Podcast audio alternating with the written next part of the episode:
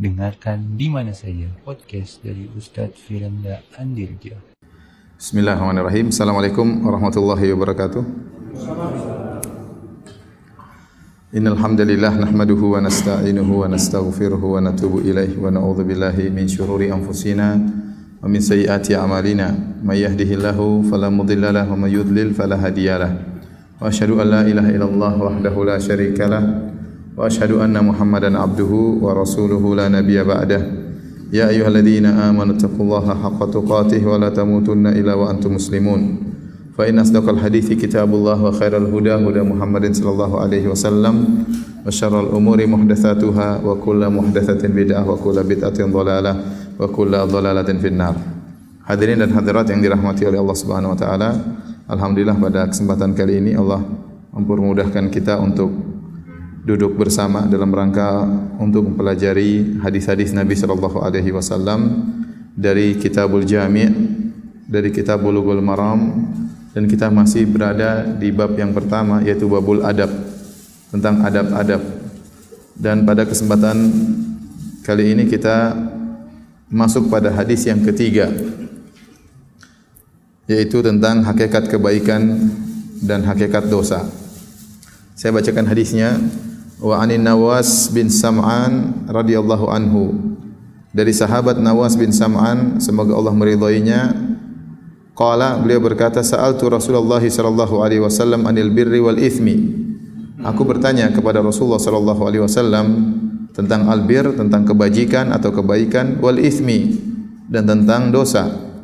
Faqala maka Rasulullah sallallahu menjelaskan albirru husnul khuluq. Kebajikan adalah akhlak yang mulia.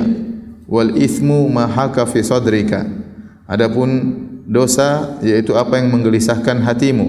Wa karihta an yattali'a alaihi nas dan engkau tidak suka kalau ada orang lain melihatnya melihat engkau melakukannya. Hadis ini hadis yang sahih diriwayatkan Imam Muslim dalam sahihnya. Hadirin dan hadirat yang dirahmati oleh Allah Subhanahu wa taala eh, dalam hadis ini sahabat Nawas bin Sam'an bertanya kepada Nabi wasallam tentang dua perkara. Perkara pertama tentang kebajikan, perkara kedua tentang dosa ya. Tentunya niatnya agar bisa melakukan kebajikan dan untuk menjauhkan diri dari uh, dosa-dosa. Ya. Dan Nabi wasallam menjelaskan bahwasanya albirru husnul khuluq. Kebajikan adalah akhlak yang mulia. Kebajikan tentu sangat banyak ya. Segala perkara yang baik namanya kebajikan. Makanya Allah berfirman wa ta'awanu 'alal birri wat taqwa saling tolong menolonglah kalian dalam kebajikan dan ketakwaan. Ya, jadi namanya albir adalah lafal yang mencakup segala kebaikan. Ya, akan tapi tatkala Rasulullah SAW ditanya tentang apa hakikat albir, apa hakikat kebajikan, maka Nabi menjawab dengan jawaban yang spesial, yaitu albirru husnul khuluq. Kebajikan adalah akhlak yang mulia. Ini menunjukkan bahwasanya akhlak yang mulia ya memiliki kedudukan yang sangat tinggi dalam Islam ya. Dan jawaban Nabi, al-birru husnul khuluq, kebajikan adalah akhlak yang mulia. Mirip dengan sabda Nabi SAW, al-hajju arafah. Haji adalah wukuf di padang arafah. Padahal kita tahu namanya haji bukan hanya sekadar wukuf di padang arafah. Dalam praktek ibadah haji ada uh, ada mabit di Mina, ada lempar jamarat, ya, ada berihram, memakai kain ihram, ya, uh, dan kegiatan-kegiatan yang lainnya, ada menyembelih, ya, dan lain-lainnya. Tetapi Rasulullah SAW mengkhususkan bahwasanya haji adalah wukuf di padang Arafah. Kenapa? Karena rukun yang paling penting dalam ibadah haji adalah wukuf di padang Arafah. Padahal ada rukun-rukun yang lain, tawaf ifadah, ya. ada juga ibadah-ibadah yang lain, kewajiban-kewajiban sunnah-sunnah. Tapi Rasulullah SAW hanya menyebutkan wukuf di padang Arafah karena ini adalah rukun yang paling penting, ar-rukunur rakin, rukun yang paling penting. Sama juga tatkala Nabi SAW bersabda ad-du'a'u huwal ibadah. Doa itu adalah intisari ibadah ya. Padahal ibadah banyak. Tapi Rasulullah SAW mengkhususkan penyebutan doa sebagai intisari ibadah. Kenapa? Karena doa adalah ibadah yang sangat penting.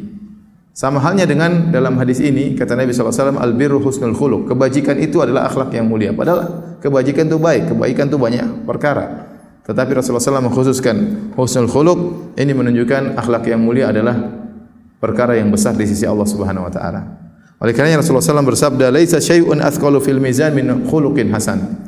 Tidak ada timbangan paling berat di hari kiamat kelak seperti akhlak yang mulia. Jadi kalau Anda ingin memiliki pahala yang besar, memiliki timbangan berat di akhirat kelak, maka perbanyak berakhlak mulia. Ya, seorang harus cerdas berusaha mencari amalan-amalan yang timbangannya berat.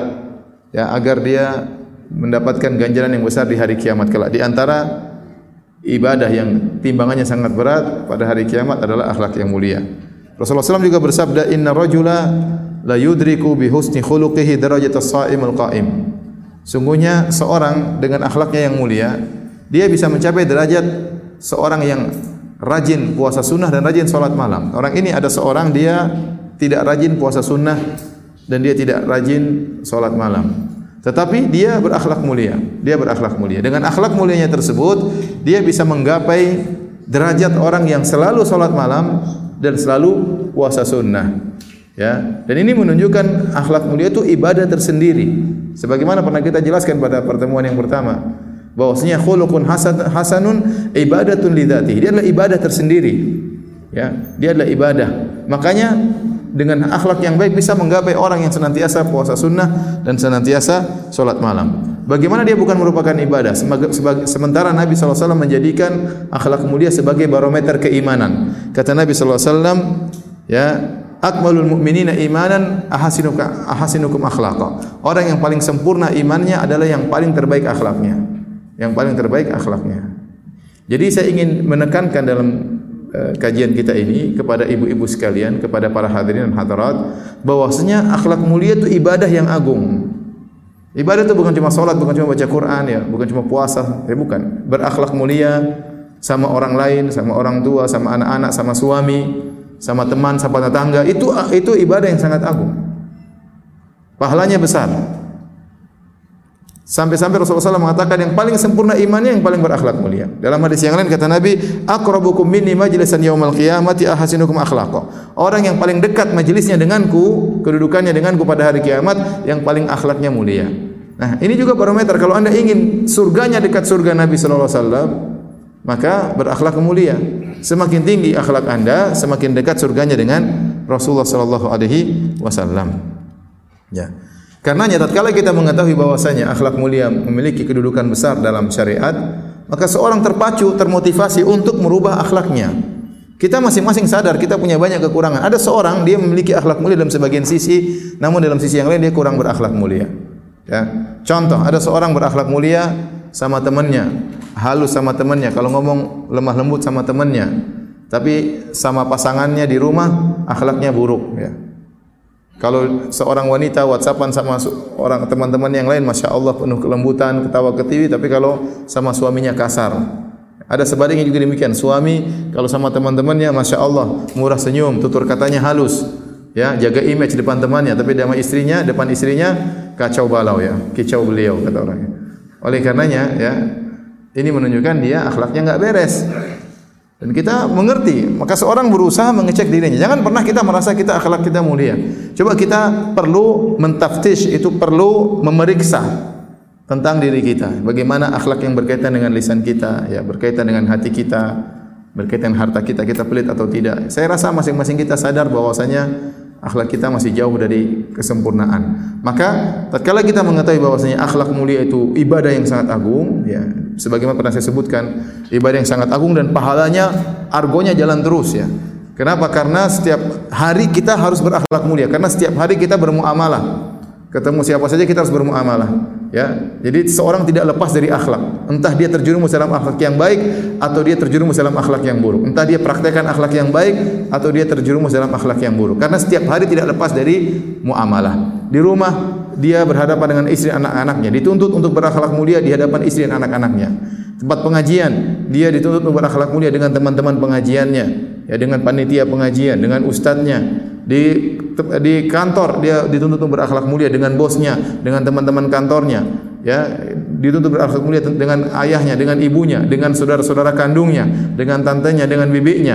Pulang ke rumah juga dituntut berakhlak mulia dengan tetangga-tetangganya. Jadi akhlak ini mengambil waktu yang banyak dari kita.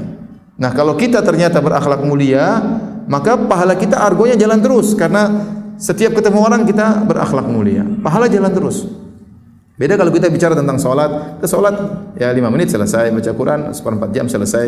Tapi akhlak yang mulia ini ibadah yang jalan terus. Maka seorang berusaha memperbaiki uh, akhlaknya agar dia mencapai derajat yang tinggi.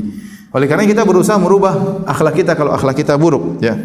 Makanya Rasulullah SAW menjelaskan tentang keutamaan orang yang merubah akhlaknya. Kata Nabi SAW, Ana zaimun bi baitin fi a'lal jannah liman hasana khuluqahu. Aku menjamin istana di bagian atas surga bagi orang yang memperindah akhlaknya.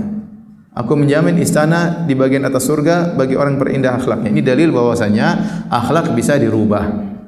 Makanya tidak benar kalau ada orang tidak mau merubah akhlaknya. Kalau dia tegur kamu jangan suka marah-marah kata dia, saya memang begini, suka pemarah ya. Ini ini ini perkataan orang yang sombong dan angkuh, ya. Kalau ada orang pelit kita bilang, "Akhi ente jangan pelit." Saya memang begini dari dulu pelit. dia enggak berani bilang begitu. Kalau orang sombong biasanya bisa dia bilang, "Saya memang dari dulu begini." Orangnya pemarah. Enggak ente bisa rubah. Orang pemarah bisa enggak jadi pemarah. Orang pelit bisa jadi dermawan, ya. Orang enggak sabar bisa jadi penyabar. Kalau akhlak enggak bisa dirubah, ngapain banyak hadis-hadis tentang keutamaan akhlak? Percuma kalau begitu Nabi menyampaikan tentang keutamaan akhlak. Justru Nabi tatkala menyampaikan tentang keutamaan akhlak, ini menunjukkan akhlak itu bisa dirubah. Akhlak itu bisa dirubah dan bisa diraih akhlak yang yang mulia. Bagaimana caranya dengan berjuang? Dengan berjuang, ya. Oleh karenanya, seorang kalau berusaha menjadi penyabar, dia akan bisa jadi penyabar. Apa kata Nabi sallallahu alaihi wasallam? Ya, "Wa man yatasabbar yusabbirullah." Barang siapa yang berusaha untuk bersabar, Allah akan jadikan dia penyabar. Bisa dirubah. Barang siapa pemarah kemudian dia tahu dan dia sadar dirinya pemarah. Yang pertama harus sadar bahwasanya dia punya akhlak yang buruk. Yang jadi masalah kalau orang tidak sadar akhlaknya buruk, ini musibah paling besar. Dia merasa akhlaknya mulia. Nah kalau sudah dia merasa akhlaknya mulia, tidak bisa berubah akhlaknya. Karena dia sudah merasa sudah mencapai kesempurnaan. Makanya tatkala kita memeriksa akhlak kita benar-benar harus periksa dengan dengan penuh keadilan. Saya ternyata begini akhlak saya. Ternyata saya pelit, ternyata saya suka marah-marah, ternyata saya temperamental.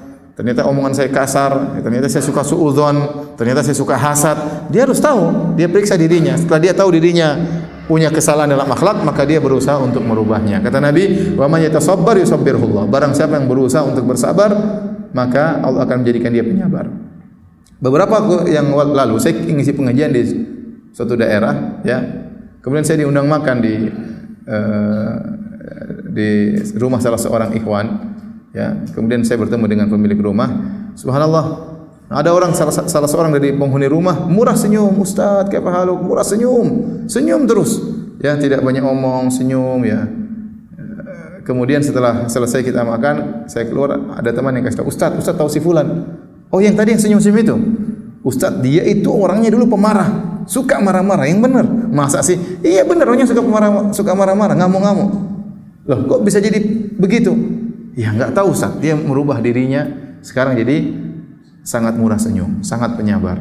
Sampai-sampai Ustaz dia kalau beli barang dari saya, dia tawar kemudian dengan senyum-senyum saya enggak berani nolak. Akhirnya saya jual saja. Karena dia tawar dengan apa? Senyum ya. Sudah saya jual aja. Jadi maksud saya saya ada lihat contoh orang bisa merubah apa? akhlaknya. Seorang juga kalau dia pelit, dia bisa rubah akhlaknya. Bagaimana caranya? Ya dia paksa dirinya, dia latih dirinya untuk bersedekah. Sedekah misalnya sebulan 10 ribu, ya kalau memang pelit banget ya. Kemudian naik pangkat bulan depan bulan depannya lagi mulai 20 ribu, bulan depannya mulai 30 ribu, bulan depannya mulai 100 ribu.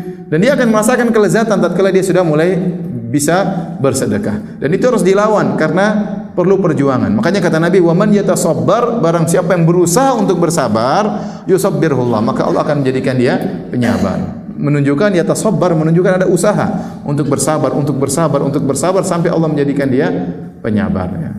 Ya. Seperti itu ya. Barang siapa yang isinya suka suudzon, ada orang seperti itu suka suudzon. Setiap ketemu orang buruk sangka, buruk sangka. Lawan, bagaimana cara lawan? Kenapa saya harus buruk sangka sama dia? Ya. Dia cek lihat, sering kali kamu berburuk sangka salah.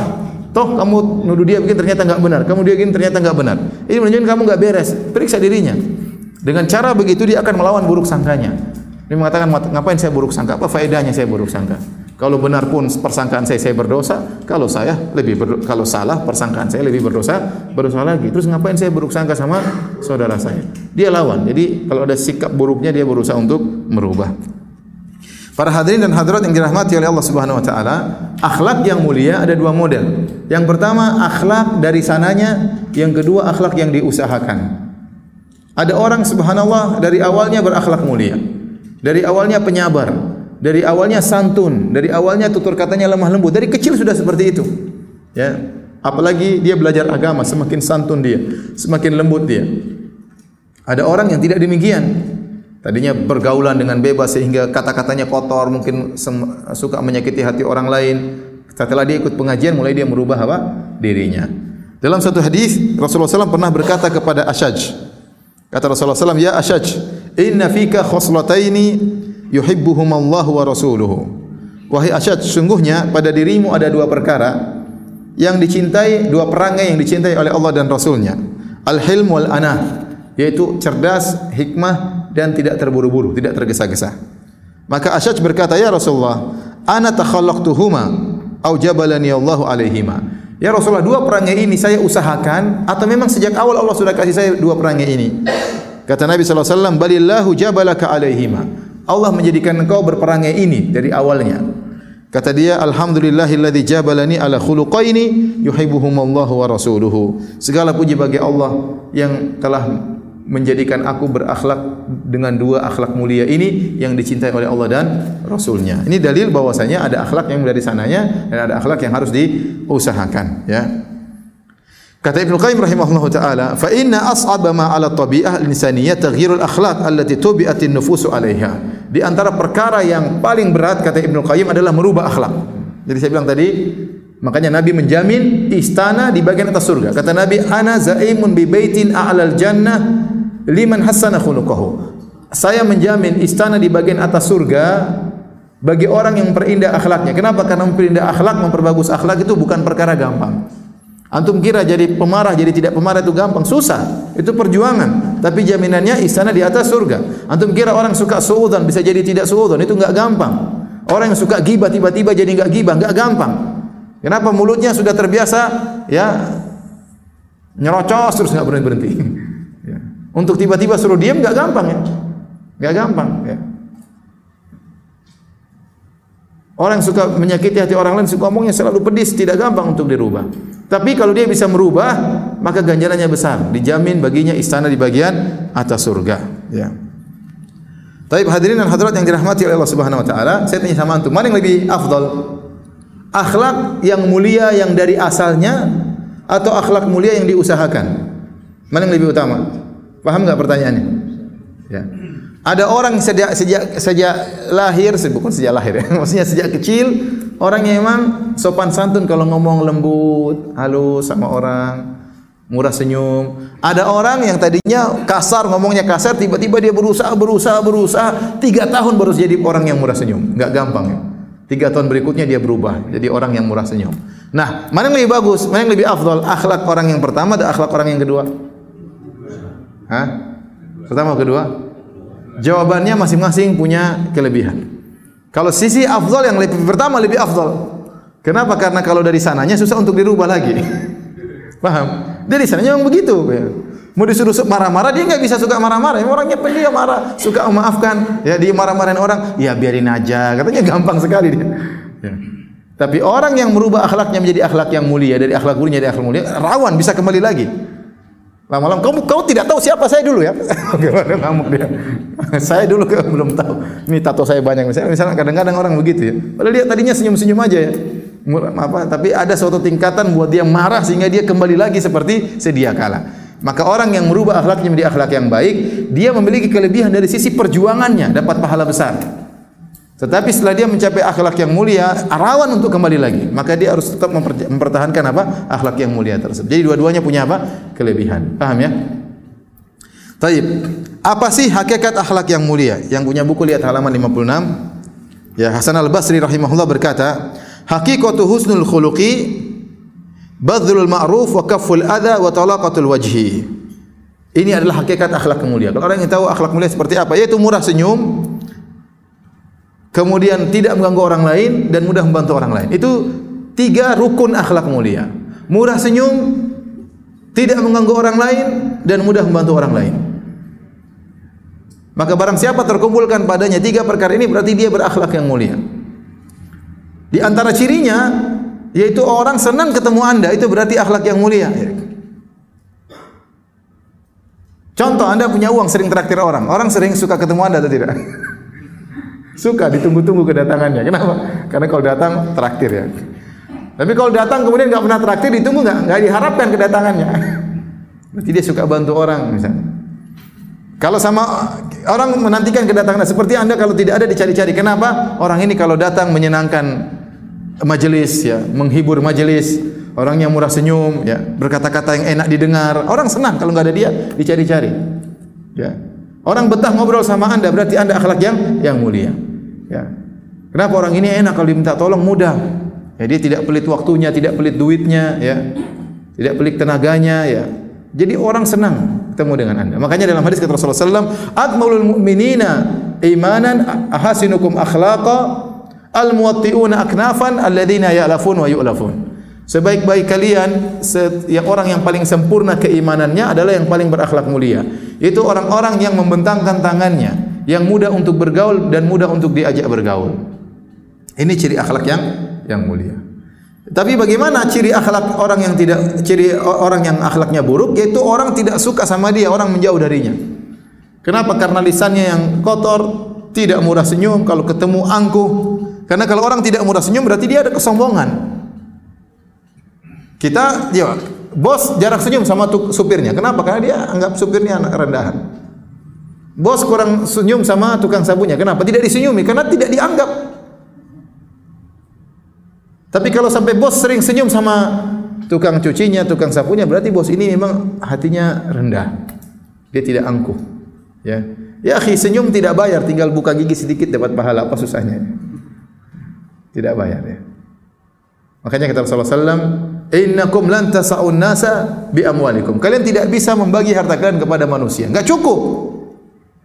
Tapi kalian bisa membagi manusia dengan akhlak kalian. Bagi senyum tidak ada mau bagi satu juta orang juga nggak jadi masalah, nggak ada ruginya. Tapi kalau harta yang dibagi-bagi nggak cukup uang anda, ya. Jadi maka kalau orang berakhlak mulia di antara ciri-cirinya orang betah dengan dia. Sebaliknya kalau orang berakhlak buruk orang tidak betah dengan dia. Mulai temannya meninggalkan dia. Makanya kata Rasulullah SAW, Inna syarran nasi manzilatan inda Allah yawmal qiyamah man tarakahu nas itiqa afuhsyih. Orang yang paling buruk kedudukannya pada hari kiamat yaitu orang yang ditinggalkan masyarakat gara-gara takut dengan buruknya lisannya. Orang enggak suka sama dia. Ya. Kenapa kalau siap ketemu pasti disindir, siap ketemu pasti diejek, siap ketemu tidak senyum. Ya. Setiap ketemu pokoknya orang enggak betah sama dia. Ya. Ini orang ini berakhlak yang yang buruk. Tapi kita lanjutkan pada poin kedua. Nawas bin Sam'an radhiyallahu anhu bertanya tentang hakikatul ithm, tentang hakikat dari dosa. Tadi kita sudah berbicara tentang hakikat kebaikan itu akhlak yang mulia. Yang kedua tentang hakikat dosa. Kata Rasulullah sallam, "Wal ithmu mahaka fi sadrika wa karihta an yatali alaihi nas. Dosa adalah apa yang menggelisahkan hatimu, enggak enak kalau melakukannya, enggak tentram tatkala melakukannya dan kau tidak suka orang melihatnya. Ini adalah orang yang beriman. Saya katakan barometer ini kembali kepada barometer orang yang masih beriman. Kalau karena orang beriman melakukan dosa dia pasti enggak enak, dia tidak ingin ketahuan dan pasti hatinya gelisah. Ya, pasti hatinya gelisah. Tetapi kalau orang itu sudah tidak beriman atau fitrahnya sudah hancur, tidak punya malu, maka dia melakukan dosa tidak cuek aja dia. Mau tampil di depan umum dengan buka aurat enggak jadi masalah. Ya, mau ketahuan dia minum khamar, mau ketahuan dia berzina, mau ketahuan dia korupsi, dia tidak punya malu. Enggak jadi masalah bagi dia. Ya. Enggak jadi masalah bagi dia. Ada orang seperti itu ada, ya. Orang ini tidak bisa dijadikan barometer. Yang jadi barometer maksudnya dalam hadis ini, dosa itu yang menggelisahkan hatimu adalah orang yang fitrahnya masih jalan. Bahkan saya katakan betapa banyak pelaku maksiat, fitrahnya masih jalan. Dia tahu bahwasanya dia ini enggak beres, dia tahu. Dia gelisah. Makanya para ulama mengatakan di antara akibat dampak dari dosa yaitu tidak bahagia. Meskipun tatkala dia melakukan kemaksiatan, dia merasakan kenikmatan, tapi kenikmatan tersebut bukan kebahagiaan. Orang berzina dia merasa nikmat, ya. Orang mengambil harta orang lain berfoya-foya dengan harta orang lain, dia merasa nikmat. Ya. Orang yang melihat misalnya film-film yang terlarang, dia juga merasa nikmat. Tetapi tidak ada kebahagiaan dalam hati. Dia pasti gelisah setelah itu, pasti gelisah. Berarti dia masih ada iman. Dia pasti gelisah. Makanya Allah berkata, "Wala uqsimu bin nafsil lawwama." La uqsimu bi yaumil qiyamah, wala uqsimu bin nafsil lawwama. Kata Allah, aku apa namanya? Aku bersumpah dengan hari kiamat. Aku bersumpah dengan jiwa yang mencela. Jadi ada nafsu nafs al-lawama. Nafs al-lawama itu apa? Jiwa yang mencela. Dalam diri manusia ada jiwa tersebut. Dia mencela kalau orang ini bermaksiat dicela sama dia, sama jiwa tersebut. Ini jiwa yang baik, mencela kalau kita melakukan kesalahan. Mencela tatkala kita meninggalkan kewajiban. Mencela tatkala kita tidak solat berjamaah di masjid. Dia mencela, ya. Apalagi tatkala kita terjerumus dalam dosa, dicela. Ini menimbulkan kegelisahan dalam diri seseorang, ya. Adapun orang yang sudah fitrahnya sudah rusak, ya mau bermaksiat, mau buka-bukaan di depan umum tidak punya malu, maka ini ya dia dia cuek-cuek saja ya. Itu hatinya sudah mati. Hatinya sudah mati, hatinya sudah hitam seluruhnya sehingga tidak ada perasaan sama sama sekali. Oleh karenanya kalau Anda melakukan sesuatu dan Anda merasa ragu, merasa bimbang, merasa gelisah, yakinlah itu dosa. Oleh karenanya masalah kegelisahan hati ini bisa menjadikan dalil kedua. Jadi kalau seorang bertanya, Ustaz apa hukumnya ini? Maka dia harus cari dalil hukumnya haram atau halal. Tapi ada permasalahan-permasalahan yang mungkin dia tidak sempat cari dalilnya, tapi hatinya gelisah. Ini adalah sinyal dari Allah Subhanahu wa taala bahwa itu adalah dosa. Maka sebaiknya tinggalkan. Ya. Sebaiknya tinggalkan. Bahkan mungkin dia bertanya sama seorang ustaz, ada yang bilang haram, ada yang bilang halal. Khilaf, ustaznya khilaf. Ya, hawa nafsunya ingin memilih halal, tapi waktu dia kerjakan dia gelisah. Ini berarti sinyal bahwa itu tidak beres, itu dosa. Maka hendaknya dia tinggalkan. Apalagi kalau dia tahu orang dia tidak suka kalau orang lain tahu dia mengerjakan hal tersebut. Ya ada perkara-perkara muamalah, perkara-perkara kegiatan yang kita tidak ingin orang lain tahu. Ya ini menunjukkan bahwasanya itu adalah uh, dosa. Ini dalil bahwasanya kalau orang takwa kepada Allah tidak melakukan dosa hatinya akan tenang. Jadi al-ithmu maha kafi sadrik. Dosa itu yang menggelisahkan hatimu. Kebalikannya berarti ketaatan itu menenteramkan hatimu. Dan Allah berfirman, "Ala bi dzikrillah tatmainnul qulub." Ketahuilah bahwasanya dengan berzikir kepada Allah hati akan tenang ya. Coba ikhwan maju sedikit ada yang datang ya. Tafassahu di biar yang lain bisa.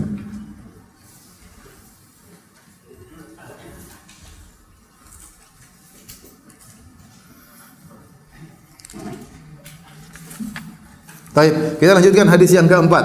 Hadis yang keempat. Larangan berbisik antara dua orang ketika sedang bertiga. Larangan berbisik antara dua orang ketika sedang bertiga. Wa an ibni Mas'udin radhiyallahu anhu dari sahabat ibnu Mas'ud radhiyallahu anhu qal beliau berkata, qala Rasulullah sallallahu alaihi wasallam Rasulullah SAW bersabda, "Idza kuntum thalathatan fala yatanajathani dunal akhar." Jika kalian bertiga, maka janganlah dua orang berbisik-bisik tidak mengajak orang ketiga berbicara. Hatta takhtalitu bin nas sampai kalian bercampur dengan masyarakat. Ya, baru silakan berbisik-bisik enggak jadi masalah ya. Karena yang ini akan ada temannya yang jadi masalah. Tapi kalau bertiga, maka jangan dua orang berbisik-bisik kemudian yang satu tidak diajak. Hatta takhtalitu bin nas sampai kalian bercampur dengan orang-orang. Min ajli anna dzalika yuhzinhu karena perbuatan itu berbisik-bisik dua orang yang ketiga tidak diajak ngomong menyedihkan orang yang ketiga menyedihkan orang yang ketiga. Muttafaqun alaih. Hadis ini riwayat Imam Bukhari dan Imam Muslim. Hadirin hadirat yang dirahmati Allah Subhanahu wa taala ini hadis menunjukkan agungnya Islam. Sampai permasalahan seperti ini diatur dalam Islam. Antum cari dalam agama lain ada apa dibahas seperti ini? Enggak ada. Agama manapun enggak ada dibahas. Sampai Islam dalam masalah seperti ini detail menjelaskan. Jadi ini menunjukkan bagaimana perhatian Islam terhadap persatuan. Jangan sampai menyakiti hati orang lain. Jangan sampai menyedihkan saudaranya Ya, sampai dalam masalah berbisik-bisik juga diatur adabnya. Ya, jangan saya menyakiti hati saudaranya. Ya. Oleh karena seluruh perkara yang bisa menimbulkan pertikaian semuanya dilarang, haram dalam Islam, semuanya. Gibah, namimah, ya, suudon, hasad ini semua menimbulkan pertikaian. Membeli di atas sembilan orang lain, menawar di atas orang lain, melamar di atas lamaran saudaranya, ya, najas jual beli dengan cara najas semuanya dilarang kenapa karena ini bisa menimbulkan persatu eh, perpecahan karena persatuan dalam Islam sangat dituntut Dan seluruh perkara yang bisa menim- menimbulkan persatuan di- dibolehkan disyariatkan dalam Islam. Ya, senyum, jabat tangan, semuanya untuk apa namanya eh, memperat hati kaum muslimin. Ya. Di antara hal yang bisa menimbulkan perpecahan, keretakan hati adalah jika ada tiga orang, dua-dua dua orang cuma berbisik yang satu tidak diajak. Bahkan dalam Al-Quran Allah berfirman, Inna man najwa minas syaitan liyahzuna alladhina amanu. Sungguhnya najwa, bisik-bisik dari syaitan untuk menyedihkan orang-orang yang yang beriman. Kenapa hal ini dilarang? Berbisik-bisik dua orang yang ketiga tidak diajak. Karena orang yang ketiga akan sedih. Nabi menjelaskan ilahnya sebabnya. Lianna dzalika yuhzinuhu. Karena perbuatan ini bisik-bisik dua orang yang ketiga tidak diajak akan menyedihkan orang yang ketiga. Kenapa dia bisa sedih? Kenapa dia akan timbul suudzon dalam dirinya? Ini dua orang ngomong saya kok tidak diajak, ada apa gerangan? Apakah mereka merasa saya tidak pantas bicara dengan mereka? Mulai dia merasa direndahkan. Siapa yang mendikte itu? Yang mendikte setan. Setan yang dikte. Setan yang mendikte dalam hatinya. Lihat dua orang itu tidak tidak ajak kamu ngobrol karena kamu direndahkan. Yang kedua, setan lagi mendikte itu dua orang sedang ngobrolin kamu, jelek-jelekin kamu, makanya cuma berbisik-bisik berdua. Kalau tidak menjelek-jelekin kamu, ngapain dia berbicara berbisik-bisik? Dan banyak dikte-diktean syaitan kepada orang yang ketiga tersebut. Syaitan mendikte. Alladhi yuwaswisu fi sudurin nas. Syaitan itu membisik-bisikan. Mendikte. Suudhan itu dari syaitan. Begini, begini, dia itu begini. Didikte sama syaitan. Ya. Sehingga akhirnya orang ini pun uh, sedih. Kata Nabi, hatta takhtalitu bin nas. Berbeda kalau sudah bercampur dengan masyarakat, sudah pergi ke pasar, enggak jadi masalah. Masing-masing punya punya urusan punya teman sendiri dia ngobrol sama yang lain kita ngobrol sama yang lain enggak jadi masalah. Dia tidak merasa direndahkan tidak merasa dihinakan tidak merasa sedang diomongin. Tapi kalau cuma bertiga di ruangan kemudian dua ngobrol satu enggak diajak dia pasti ada sesuatu. Bagaimanapun orang itu soleh ya jangan kita bilang ah dia orang soleh tidak seudon. Nah syaitan datang. Mau soleh enggak soleh didatangi oleh apa? Syaitan ya. Didatangi oleh syaitan untuk dibisikin. Dan kita berusaha untuk satu dariah mencegah perkara yang bisa menimbulkan keretakan maka jangan kita melakukan uh, demikian ini hadis disebutkan ilahnya kata Nabi SAW sebabnya ilah artinya sebab sebab pelarangan kenapa dilarang dua orang ngobrol yang satu tidak diajak li'anna dzalika yuhzinuhu karena hal itu membuat yang orang ketiga bersedih maka demikian juga perkaranya meskipun Nabi menyebut tiga orang lebih dari itu juga kata para ulama sama saja misalnya empat orang Tiga orang ngobrol sendirian, satu tidak diajak. Ini menyedihkan orang keempat atau tidak? Menyedihkan, sama saja. Tidak boleh. Ya. Ustaz kan sudah empat, tidak apa-apa. Kan Nabi, Nabi bilang cuma berapa? Tiga. Iya benar, kita jangan terlalu zahiri. Ya. Kata Nabi, lihat ilahnya. Jangan dalam hal ini jangan cuma lihat tekstual saja tapi lihat juga ilahnya sebabnya karena hal itu bisa menyedihkan. Nah kalau kita empat orang ngobrol cuma tiga orang satu tidak diajak sama menyedihkan orang yang keempat juga. Sama lima orang empat orang ngobrol dia bisik-bisik yang satu tidak ada orang ini pun merasa sedih. Makanya kalau ada empat orang bagi dua, dua sana dua sini nggak jadi masalah. Ada teman ngobrolnya sudah hilang hilang larangan tersebut. Sama halnya misalnya ada tiga orang, dua orang Bugis satu orang Jawa. Kemudian dua orang ini ngobrol pakai bahasa Bugis, tidak bisik-bisik keras-keras tapi bahasa Bugis ketawa-ketawa. Orang Jawa ini bengong, ini ngomongin saya ngomongin siapa?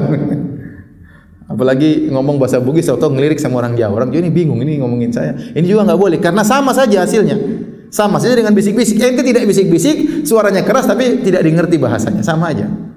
Ini juga tidak tidak boleh. Dan ini sering terjadi, sering terjadi. Ya.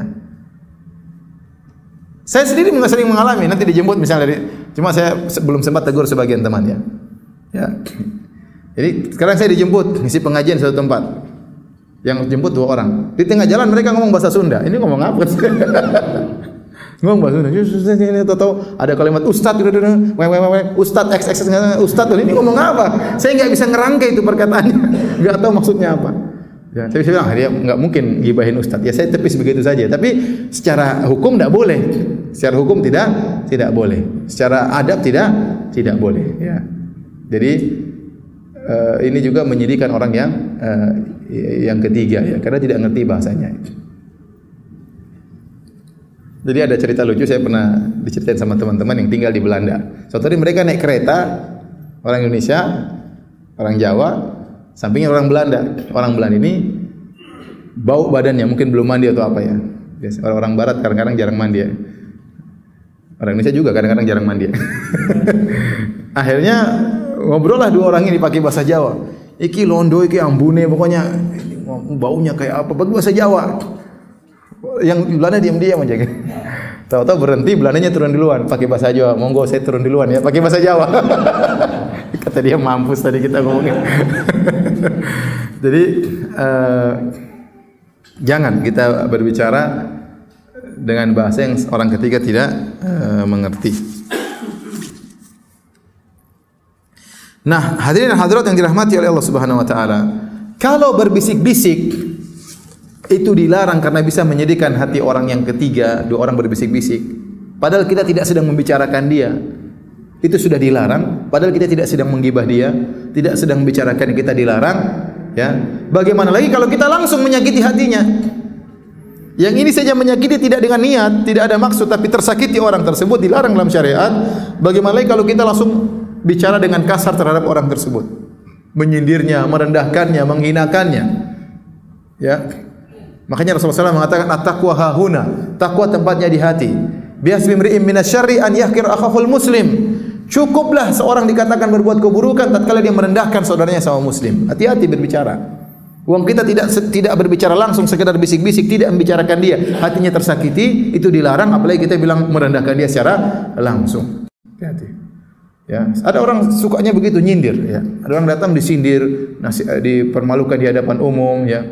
Apa maksudnya? Nanti jangan jangan menghinakan orang ini. Orang ini orang muslim bertakwa kepada Allah Subhanahu wa taala. Kalau nasihat nasihatilah kalau memang kesalahannya kesalahan pribadi sampaikan kepada kepada dia. Baik.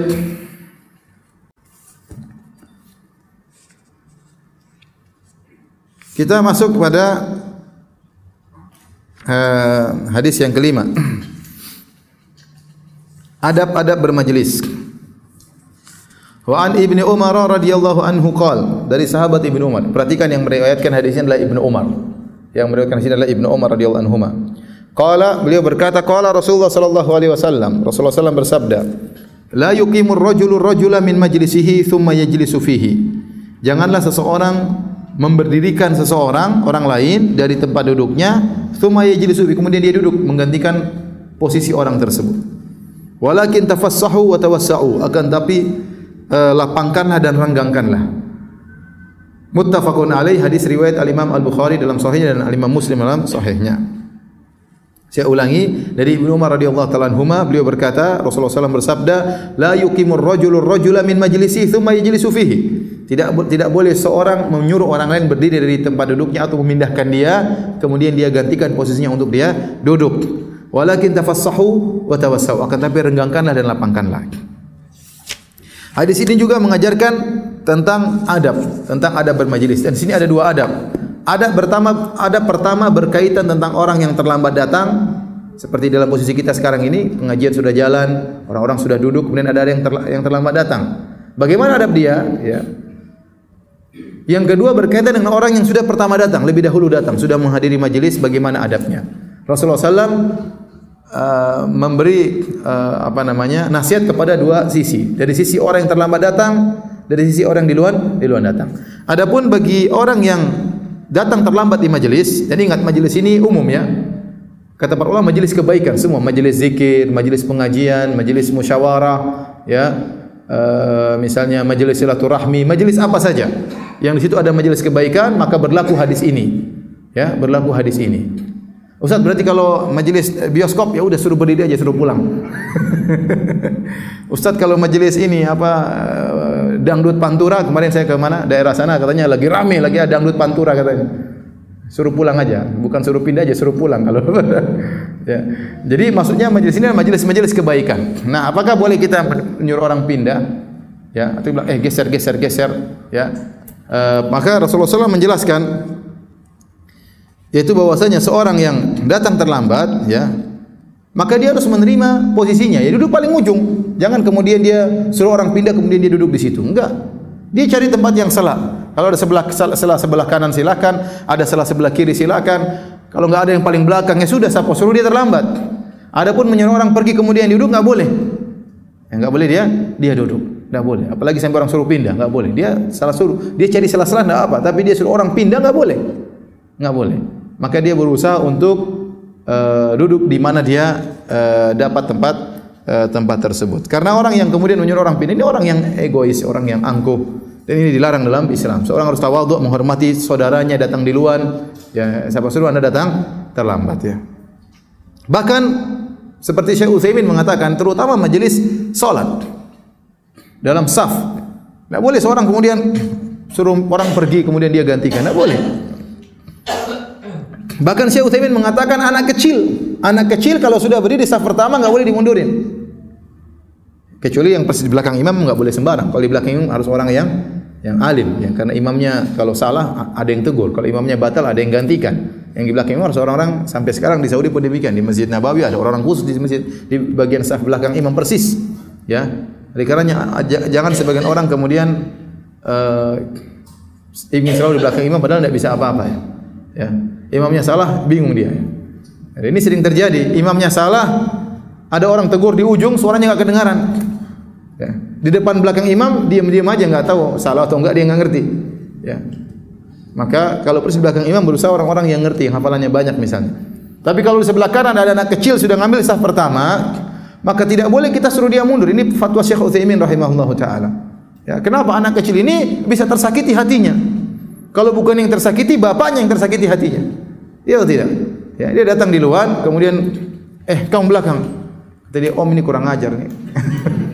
ah, saya enggak mulai ke masjid, mungkin pulang. Papa saya enggak mau ke masjid lagi, ada om kurang ajar di sana. Saya disuruh mundur, saya sudah di depan enggak boleh. Katanya papa bilang sah pertama pahalanya sekian sekian. Ah, bapaknya jadi sakit hati juga. Ya, ini tidak tidak baik. Sehingga menjadikan anak-anak tidak suka dengan majelis salat. Seorang berusaha ya jangan memindahkan orang dari majelisnya siapapun orangnya meskipun dia misalnya kiai meskipun dia misalnya camat misalnya bupati kalau masuk di majelis ya. Ya maka dia tidak boleh pindahin orang. Sudah dia duduk di mana tempat dia dapat ya. Ya jangan membuat orang lain untuk apa? Berdiri kemudian digantikan apa? Posisinya. Adapun adab yang kedua berkaitan dengan orang-orang yang sudah pertama kali datang. Kata Rasulullah SAW, walakin tawas fatafassahu wa tawassau. Akan tetapi lapangkanlah dan renggangkanlah. Jadi kalau kita tahu masih banyak saudara-saudara kita akan datang, maka kita empet-empetan supaya renggang lapang, supaya renggang apa tempatnya. Bisa yang lain bisa datang untuk menempati. Karena Allah Subhanahu Wa Taala berfirman, bahkan masalah ini diatur dalam Al-Quran. Al-Quran itu banyak adab-adab diatur dalam Al-Quran. Ya. Jadi bukan akidah saja, tapi akhlak dan adab juga diatur dalam Al-Quran. Ya. Kata Allah Subhanahu wa taala, "Ya ayyuhalladzina amanu, idza qila lakum tafassahu fil majalisi fafsahu yafsahillahu lakum." Wahai orang-orang yang beriman, jika dikatakan kepada kalian, renggangkanlah atau lapangkanlah majelis kalian, maka lapangkanlah. Niscaya Allah akan beri kelapangan kepada kalian. Ya. Masih ada orang di luar kan? Sudah. Masih ada. Ayo tafassahu ya. Kita terapkan ayat ini. Ayo dirapangkan lagi. Rapatkan lagi. Ibu-ibu kalau ada yang duduk-duduk di tangga suruh masuk ke dalam biar lapang. Kata Allah Subhanahu wa taala, "Yafsahillahu lakum," maka Allah akan beri kelapangan bagi kalian. Baik hadirin hadirat yang saya hormati Allah Subhanahu wa taala. Antum perhatikan ayat ini kata Allah Subhanahu wa taala, "Ya ayyuhalladzina amanu idza qila lakum tafassahu fil majalisi fafsahu yafsahillahu lakum." Wahai orang beriman, kalau dikatakan kepada kalian lapangkanlah majlis yaitu rapat-rapat-rapatlah ya maka rapatlah niscaya Allah akan beri kelapangan bagi kalian. Kalau dikatakan kepada kalian lapangkanlah majlis yaitu dengan merapatkan maka Allah akan beri kelapangan bagi kalian. Kelapangan apa maksudnya? Bukan kelapangan majlis tidak. Karena kalau kalian beri kelapangan dalam masjid kalian akan menjadi apa? Semakin apa? Semakin rapat. Jadi maksudnya diberi kelapangan apa oleh Allah? Jadi jika kalian melapangkan kalian akan diberi kelapangan oleh Allah saya ulangi, kalau kalian beri kelapangan bagi saudara kalian supaya bisa duduk bersama kalian, kalian akan diberi kelapangan oleh Allah. Kelapangan apa yang Allah berikan bagi kalian? Para ulama mengatakan kelapangan Allah berikan ya baik kelapangan dunia maupun kelapangan akhirat. Kalau kita mengerjakannya karena Allah Subhanahu wa taala, kita akan diberi kelapangan dunia dan juga kelapangan di akhirat. Sebagian ulama menafsirkan di surga akan diberi surga lebih lapang karena surga bertingkat-tingkat. Semakin anda memberi lapangan kepada kelapangan bagi saudara anda akan diberi surga semakin lapang, surga semakin luas. Atau diberi kelapangan dalam kemudahan yang lain, dalam masalah dunia, masalah rezeki. Jadi perkara ini kalau kita kerjakan karena Allah Subhanahu Wa Taala ada saudara yang datang kemudian kita geser, silakan silakan. Dia begitu senang ada saudaranya mempersilakan dia. Eh, ente duduk sana terlambat mau duduk sini. Jangan.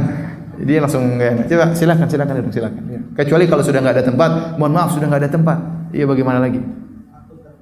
Ya, saya pernah naik kapal ya, naik kapal. Dulu saya sering naik kapal dari Surabaya ke Papua. Pernah saya pulang pas musim itu musim Natalan. Subhanallah, kapal ramai sekali. Sampai melebihi apa? Melebihi batasan. Sampai-sampai untuk tempat tidur sudah enggak ada. Semua orang di mana-mana, di bawah tangga, di tangga semuanya, di semua orang udah full manusia. Akhirnya qadarullah saya dapat tidur juga saya enggak dapat. Saya cuma dapat untuk duduk, untuk tidur enggak ada tempat. Jadi saya enggak bisa tidur orang semua. Saya dengan adik saya waktu itu, adik perempuan saya, saya cuma menjulurkan kedua kaki. Tiba-tiba orang berdiri terus bingung gitu. Datang. Kata dia, "Mas, bisa numpang duduk kan? Kasihan banget. Akhirnya saya tarik kaki saya, dilipat ini dia duduk. Ya sudah, sudah nggak ada lagi tempat bisa apa menjulurkan. Tapi tentu orang ini akan senang sekali. Kalau nggak dia berdiri terus kan kasihan. Ya. Artinya kita membahagiakan apa? Orang lainnya. Jadi kalau ada orang datang kita bilang silakan duduk, sini sini sini. Kita renggangkan, dia akan senang. Ya, dia akan bahagia. Dia nikmat mendengar pengajian. Tapi kalau kita nggak dia suruh kita geser, kita nggak geser-geser juga, ya dan kita bilang sudah sana sebelah sana. Dia sejak awal sudah enggak enak hati sama kita dan ikut pengajian pun dah tenteram. Maka barang siapa yang melampangkan bagi saudaranya, dia akan dilapangkan oleh Allah. Al jaza' min jinsil amal, balasan sesuai dengan perbuatan. Barang siapa memudahkan akan dimudahkan. Barang siapa meringankan akan diringankan. Barang siapa melapangkan akan dilapangkan oleh Allah Subhanahu wa taala. Taib. Uh, pembahasan berikutnya Bagaimana kalau ada ustaz datang di suatu majelis, misalnya ada pertemuan dengan uh, pemerintah atau pertemuan pertemuan dengan apa namanya alim ulama, tahu-tahu ada ustaz datang terlambat. Kemudian salah seorang muridnya berdiri, ustaz duduk sini aja ustaz. Kamu di mana? Saya mau duduk belakang ustaz. Ustaz sini aja. Bagaimana sikap ustaz tersebut? Apakah dia dia tidak suruh sama dia tidak menyuruh muridnya untuk berdiri? Tidak. Karena larangan dalam hadis La yukimu rajulu rajula. Tidak boleh seorang menyuruh orang lain berdiri kemudian dia duduk di situ. Ini enggak dia tidak suruh tapi orang tersebut dengan sendirinya mengatakan Ustaz, saya duduk belakang aja Ustaz di sini. Nah, bagaimana sikap Ustaz tersebut? Ya. Hal ini pernah dialami oleh Ibnu Umar radhiyallahu taala. Secara hadis, secara larangan tidak ada larangan apa-apa, dia tidak melanggar hadis. Karena dia tidak memperdidikan, tidak membuat orang itu berdiri kemudian dia usir, tidak. Tapi orang ini dengan sendirinya berdiri kemudian persilahkan gurunya. Secara larangan kalau dia duduk enggak ada larangan dalam hadis, dia tidak melanggar hadis. Tapi kata para ulama yang babil wara, karena kalau dia wara sebaiknya dia tidak duduk di situ. Dan ini dipraktikkan oleh Ibnu Umar radhiyallahu taala anhu sebagaimana dalam Sahih Al-Bukhari eh, dalam uh, Al-Adabul Mufrad uh, karangan Imam Al-Bukhari karena Ibnu Umar idza qama lahu rajulun min majlisihi lam yajlis fihi. Ibnu Umar kalau datang kemudian ada orang berdiri dari majelis yang mempersilakan Ibnu Umar dia tidak mau duduk. Dia tidak mau duduk padahal boleh. Ya. Kenapa? Karena dia tidak ingin khawatir kalau orang tersebut berdiri karena enggak enak. Bukan karena kelapangan adanya, tapi enggak enak. Wah, masa guru saya kemudian apa? Saya berdiri, duduk dia berdiri misalnya. Nah, kalau sesuatu yang diberikan hadiah diberikan karena enggak enak, jangan diterima. Kata Syekh Utsaimin rahimahullah taala. Ya, semuanya harus antaradin minkum dengan keridhaan. Pernikahan karena enggak enak juga enggak benar. Wanita ini dipaksa-paksa jadi enggak enak terpaksa nikah enggak benar. Sama jual beli juga karena enggak enak juga enggak boleh, ya. Ada orang nawar-nawar, ini berapa? 10 ribu. 5 ribu ya, janganlah. 8 ribu. Enggak 5 ribu lah. Enggak 8 ribu lah. Lima ribu ya? Enggak, saya jual delapan ribu. Saya sudah turunkan dua ribu, delapan ribu. Orangnya enggak pergi-pergi juga situ aja, lima ribu lagi. Satu jam lima ribu, lima ribu, udah ambil aja katanya. Berapa? Gratis. Jadi ini namanya enggak enak. Ini jual beli enggak enak, enggak boleh. Harusnya dengan keridhaan. Ya, harusnya dengan apa? Keridhaan. Ya. Sama Syekh Utsaimin juga mengatakan, jika misalnya ada seorang kita lewat di rumahnya depan rumahnya, dia lagi makan sama keluarganya, kemudian mengatakan, ayo ayo silakan silakan makan bareng-bareng, ayo ayo ayo. Kita tahu dia yang tawarkan karena enggak enak ya. Iya atau tidak? Karena kita lewat apalagi orang-orang Indonesia kan enggak enakan ya. Jadi kita lagi makan di luar sama keluarga tiba-tiba ada orang tetangga lewat ya kita persilakan, "Ayo ayo Mas, ayo Mas." Enggak enggak enggak. Ayo Mas silakan Mas. Kita tahu dia enggak enak ya sudah jangan mampir. Jangan kebetulan, oh sebentar saya telepon anak saya. telepon istri saya sebentar ya, sebentar. jangan dia undang itu karena enggak enak. Maka jangan kita mampir, kita bilang jazakallah khair jalan aja. Begitu kita jalan, alhamdulillah kata dia. Karena mungkin dia enggak punya persiapan, enggak punya apa-apa ya.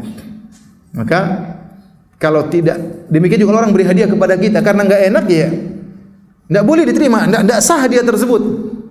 Ya. Misalnya dia bawa hadiah lima, kemudian ternyata ada tujuh orang, kita orang ketujuh, eh, apa namanya? Dan dia punya lagi dua orang enggak dikasih dia enggak enak. Tunggu sebentar ya. Kita tahu dia enggak enak. Kita bilang jangan enggak usah, enggak usah. Nah apa, nah apa? Nah apa saya enggak perlu. Alhamdulillah, makasih. Nah, kecuali kalau dia memang paksa-paksa lain cerita.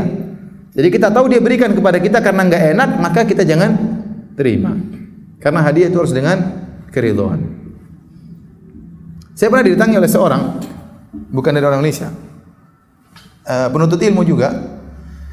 Saya dikasih hadiah dari sebagian apa uh, apa namanya lembaga buku buku perpustakaan. Bukunya banyak berkarton-karton. Saya lupa berapa. 10 karton apa 12 karton isinya buku tok. Ada teman yang ikut bantu waktu itu bantu. Kemudian setelah itu saya rapi-rapikan buku. Ada buku yang saya sangat saya sukai. Namanya Majmu' Fatawa Ibnu Taimiyah, 37 jilid. Orang itu bilang duduk di kamar kemudian saya tidak bisa pergi Firanda. Kenapa? Saya harus ambil buku ini. Loh. Ini punya saya enggak? Saya harus ambil. Kamu harus kasih hadiah sama saya. Waduh. Enggak pergi-pergi beneran. Hanya sudah ambil aja gitu. Dengan sangat berat hati. Ya. Kenapa itu buku saya sangat saya sukai untuk saya baca. Ya. Dia ambil ya sudah mau diapain. Tapi saya waktu itu sekarang baru saya baca-baca saya ingat sebenarnya enggak boleh. Harusnya saya tidak usah kasih. Karena saya tidak memberikan dengan apa? Dengan keridhaan apa? Hati. Ya. Ya qadarullah dia sudah ambil mudah-mudahan ber, bermanfaat ya. Jadi tidak boleh kita menerima hadiah kalau kita tahu orang tersebut beri hadiah karena apa? Terpaksa, bukan karena keridhaan keridhaan hati ya. Kecuali kalau kita tahu dia memang benar-benar ridho contoh kita datang terlambat kemudian dia berdiri. Kita bilang enggak enggak kata dia ustaz silakan ustaz. Enggak ustaz. Ya dipaksa-paksa. Ah berarti dia senang kalau kita duduk di situ. Kalau itu lain ceritanya ya. Kalau orang mau kasih kita sesuatu kita tahu dia enggak enak ini silakan ambil ustaz enggak enggak enggak. Terus ya sudah enggak jadi berarti dia memang terpaksa. Tapi kalau dia paksa-paksa terus paksa terus berarti memang dia suka untuk kita terima hadiah tersebut. Ya terima karena Rasulullah SAW la yarudul hadiah. Rasulullah SAW tidak menolak apa? Hadiah agar menyenangkan orang yang beri hadiah. Sahib hadirin dan hadirat yang rahmati Allah Subhanahu wa taala. Uh, kita lanjutkan hadis berikutnya. Hadis ke-6 tentang adab makan yaitu anjuran menjilat jari sesudah makan. Anjuran anjuran menjilat jari sesudah makan. Wa an Ibnu Abbas radhiyallahu anhu dari sahabat Ibnu Abbas radhiyallahu anhu qol beliau berkata qala Rasulullah sallallahu alaihi wasallam Rasulullah bersabda idza akala ahadukum ta'aman jika salah seorang dari kalian makan makanan fala yamsah yadahu maka jangan dia cuci tangannya jangan dia lap tangannya jarinya hatta yalaqaha aw yulqaha sampai dia jilat jarinya atau dia jilatkan kepada dia jilatkan jarinya sampai dia jilat jarinya atau dia jilatkan jarinya hadis riwayat al Imam Al Bukhari dan al Imam Muslim Hadirin hadirat yang dirahmati Allah Subhanahu wa taala. Ini hadis sering dijadikan ejekan oleh sebagian orang. Ya, lihat orang Islam jorok masa makan jilat-jilat jari kemudian jilatkan kepada orang lain ya. Tunggu dulu, kita harus ngerti dulu apa maksud hadis ini, ya. Jadi kata Rasulullah SAW, jika salah seorang makan, maka jangan dia cuci tangannya, jangan dia lap tangannya sampai dia jilat jari-jarinya atau dia jilatkan. Maksudnya apa? Islam mengajarkan kepada kita untuk tidak mubazir, tidak tabzir. Ya bahwasanya seluruh makanan ini harus habis. Bahkan yang tersisa di tangan kalau tidak dibuang berusaha untuk dimakan, jangan sampai dibuang. Sebab orang cuci tangan sementara masih banyak nasi di tangannya, dia cuci kemudian mengalir. Itu kalau dikumpulkan mesti satu suap. Ya. Nah kalau satu kalau ada seribu orang seperti itu kan seribu suap berarti terbuang. Sementara kita kekenyangan masih banyak orang kelaparan yang membutuhkan suapan-suapan tersebut. Masih banyak saudara-saudara kita sampai bertanya, seperti orang saudara kita di Suria. Saya bertanya kepada para ulama, bolehkah kita makan anjing? Karena tidak ada makanan di sana kelaparan ya. Ya. Oleh karenanya betapa banyak di sana mereka rebut-rebutan makan roti karena enggak ada makanan. Sementara kita buang-buang makanan ya. Maka Islam mengajarkan kita untuk tidak mubadzir. Semua makanan harus dibersihkan. Ini yang pertama, tidak mubadzir. Yang kedua di antara faedahnya kita menjilat-jilat makanan tersebut di antaranya karena kita tidak tahu di mana ada keberkahannya. Kata Nabi wasallam, "Innakum la tadruna fi ayyihil barakah." Kalian tidak tahu di bagian makanan manakah yang merupakan keberkahan. Bisa jadi pada beras yang terakhir kita makan disitulah keberkahan. Ya, situlah keber keberkahan. Rasulullah SAW orang yang uh, apa namanya tidak mau buang-buang makanan. Sampai dalam sebuah hadis Rasulullah SAW berjalan tiba-tiba lihat korma jatuh ada korma jatuh Rasulullah SAW, Rasulullah SAW bersihkan. Untuk Rasulullah SAW apa? Makan. Tapi Rasulullah SAW makan, Rasulullah SAW tidak jadi makan. Khawatir ini korma sedekah. Karena Nabi tidak boleh makan apa? Sedekah. Tapi Rasulullah SAW sudah bersihkan mau di dimakan. Tidak ingin ada makanan ter terbuang. Ya. Ya, tidak ingin ada makanan terbuang karena itu nikmat dari Allah. Kita di antara bentuk syukur kepada Allah, kita gunakan nikmat tersebut sebagaimana mestinya. Jangan dibuang-buang. Jangan dibuang-buang ya. Karena kalau kita buang ternyata masih banyak orang lain yang membutuhkan. Masih banyak saudara-saudara kita yang kelaparan. Yang kedua, kita tidak tahu di mana keberkahan. Nah, kalau kita makan makanan, berusaha kita habiskan. Karena kita tidak tahu apakah pada suapan pertama di situ keberkahan atau di suapan terakhir itu keberkahan atau di tengah-tengah makan ada keberkahan. Rasulullah SAW mengatakan fa innakum la tadruna fi ayyihil barakah. Kalian tidak tahu di bagian mana yang ada keberkahan. Maksudnya apa? Kalau kita sudah makan makanan keberkahan tersebut, Maka ini akan berkah bagi tubuh kita karena makan yang kita makan itu keberkahan bukan sekedar gizi. Tapi ada berkahnya. Ada berkahnya apa? Itu membuat kita semangat beribadah, membuat kita terjauhkan dari kemaksiatan, membuat hidup kita apa? Berkah, ya. Beda tatkala kalau kita makan makanan tidak berkah, cuma orang makan dari hasil haram. Ya, apa hatinya tidak tentram, malas ibadah, mungkin terkena penyakit. Meskipun makanannya penuh dengan gizi, full gizi, tapi kenyataannya tidak berkah pada dirinya. Jadi ada nilai keberkahan kalau kita makan makanan pas dapat keberkahannya, ini membuat kita rajin beribadah, rajin baca Quran, berakhlak mulia, faktor yang mendukung kita untuk taat kepada Allah karena makanan yang kita makan makan yang berkah ya. Dengan kalau kita makan seluruhnya, maka ini bisa dipastikan keberkahan tersebut telah kita makan. Maka sebelum dia mencuci tangannya dia jilat-jilat jarinya. Jadi yang di yang dimaksud bukan tatkala sedang makan jilat makan lagi jilat lagi enggak ya. Setelah selesai setelah selesai, sudah selesai, sudah bersih-bersih semuanya, masih ada sisa kita jilat. Entah beras, entah apa, entah daging atau apa ya. Atau kita jilatkan kepada orang lain ya. Maksudnya apa? Eh, kamu sunnah jilat. Enggak. Enggak, maksudnya kata para ulama yaitu dia jilatkan kepada istrinya ya atau kepada anaknya enggak jadi masalah ya. Anak hormat sama orang tua dia jilat jari apa? Orang tuanya. Atau kepada apa? Kepada istrinya. Istri kepada suaminya. Kan mantap itu ya. Habis makan jilat-jilatan ya. Enggak apa-apa. Sayang suami istri ya. Enggak jadi masalah ya. Jadi itu maksudnya bukan habis sedang makan kemudian jilat-jilat jari atau kemudian suruh orang lain jilat ya. Kamu lima orang gantian satu jari ya. Enggak. Enggak demikian. Tetapi maksudnya kepada istri atau kepada anak ya. Uh, itu ya. Jadi menemukan kedekatan juga.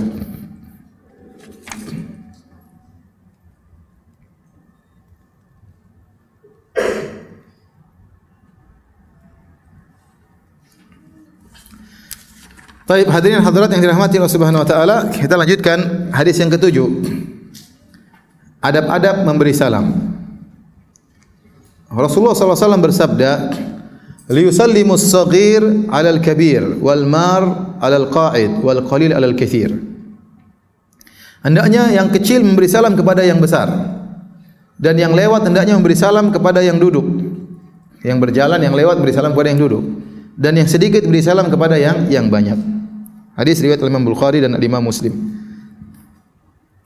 Jadi hadis ini meriwayatkan tentang atau menjelaskan tentang adab memberi salam. Jika dua orang bertemu, maka dilihat kondisinya. Ada pertemuan antara si kecil dengan si besar, maka si kecil yang beri salam kepada yang besar. Ada yang lewat dengan yang duduk, maka yang lewat beri salam kepada yang duduk.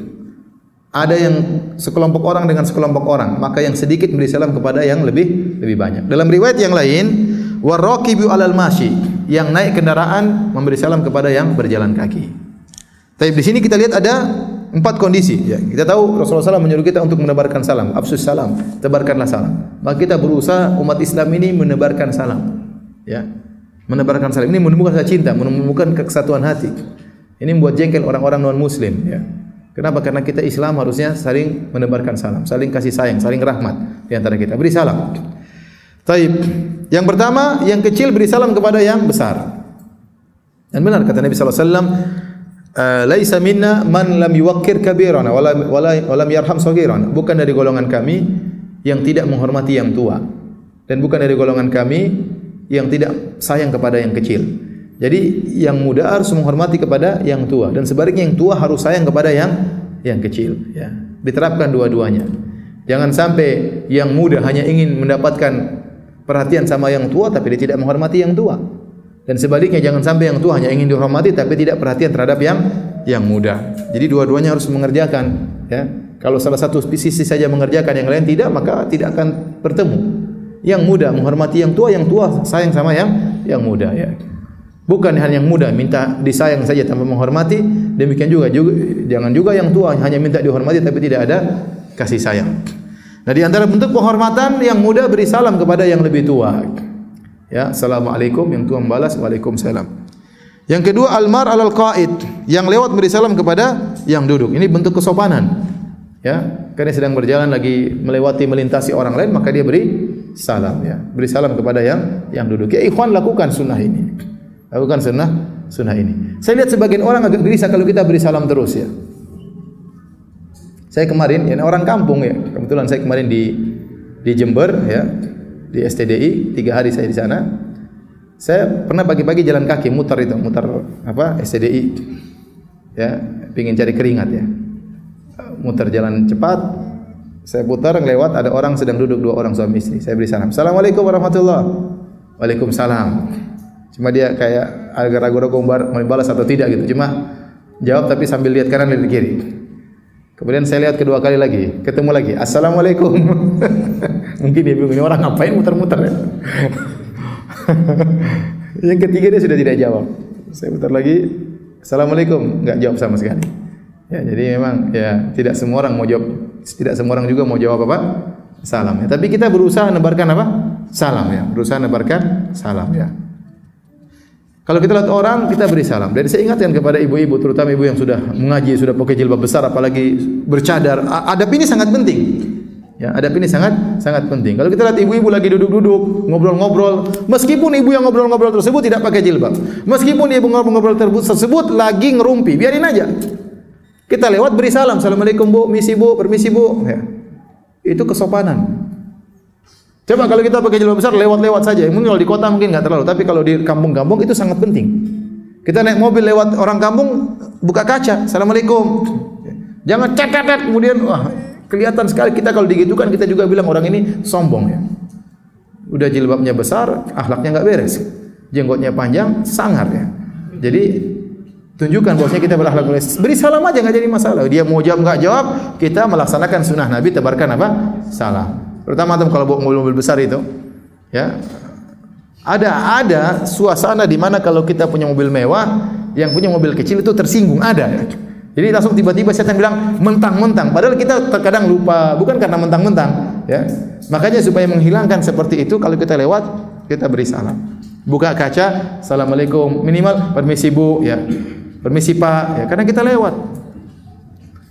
Apalagi, ya, naik kendaraan. Warakibu alal masjid. Jalan kaki saja suruh, suruh beri salam apalagi naik kendaraan. Ya kenapa kata para ulama? Orang naik kendaraan itu posisinya lebih tinggi.